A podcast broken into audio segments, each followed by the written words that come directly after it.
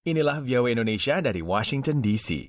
Melonjaknya kasus COVID-19 varian Delta di Amerika Serikat telah mendorong sejumlah negara bagian untuk mewajibkan kembali penggunaan masker di tempat-tempat umum seperti sekolah dan perkantoran ataupun lokasi di mana terdapat keramaian dalam ruang tertutup. Diaspora Indonesia menyambut baik peraturan tersebut.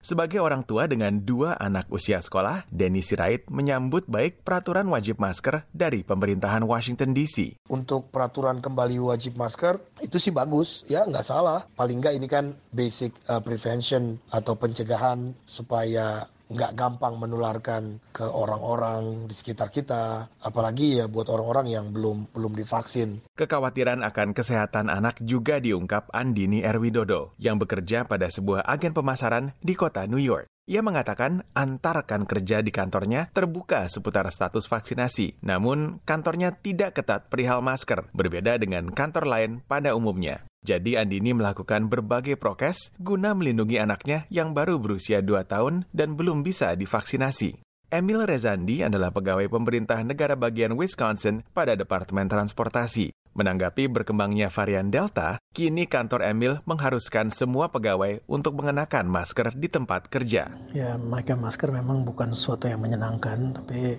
karena telah terbukti efektivitasnya dalam melambatkan laju infeksi terhadap diri kita sendiri dan juga orang-orang di sekitar kita, ya menurut saya memang ini suatu yang harus kita dukung demi keselamatan bersama. Jessica Wisan, ibu dari tiga anak usia 12, 6, dan 4 tahun, mengaku sangat kecewa dengan kebijakan pemerintah tempat tinggalnya yang memberi kebebasan pribadi untuk menentukan perlu tidaknya menggunakan masker. Jessica tinggal di Texas, salah satu negara bagian yang tidak mewajibkan warganya mengenakan masker. Berkaitan dengan kelas tatap muka, Jessica berharap pemerintah setempat menjamin keamanan siswa dengan melakukan berbagai langkah. Setidaknya, sekolah-sekolah menyediakan pembatas plexiglass, mewajibkan masker, menjamin pelacakan kontak, bahkan waktu istirahat dan makan siang yang digilir selang-seling. Sedangkan bagi Dylan Juni, siswa SMA di Madison, Wisconsin, mengenakan masker memang kurang ideal dan merepotkan. Namun, ia bersedia melakukannya. I think that while wearing a mask is not ideal, it is necessary, and I'm willing to put up with the inconvenience. It was nice to not need to wear a mask for a while, but now we need to do so again in order for everybody to be safe.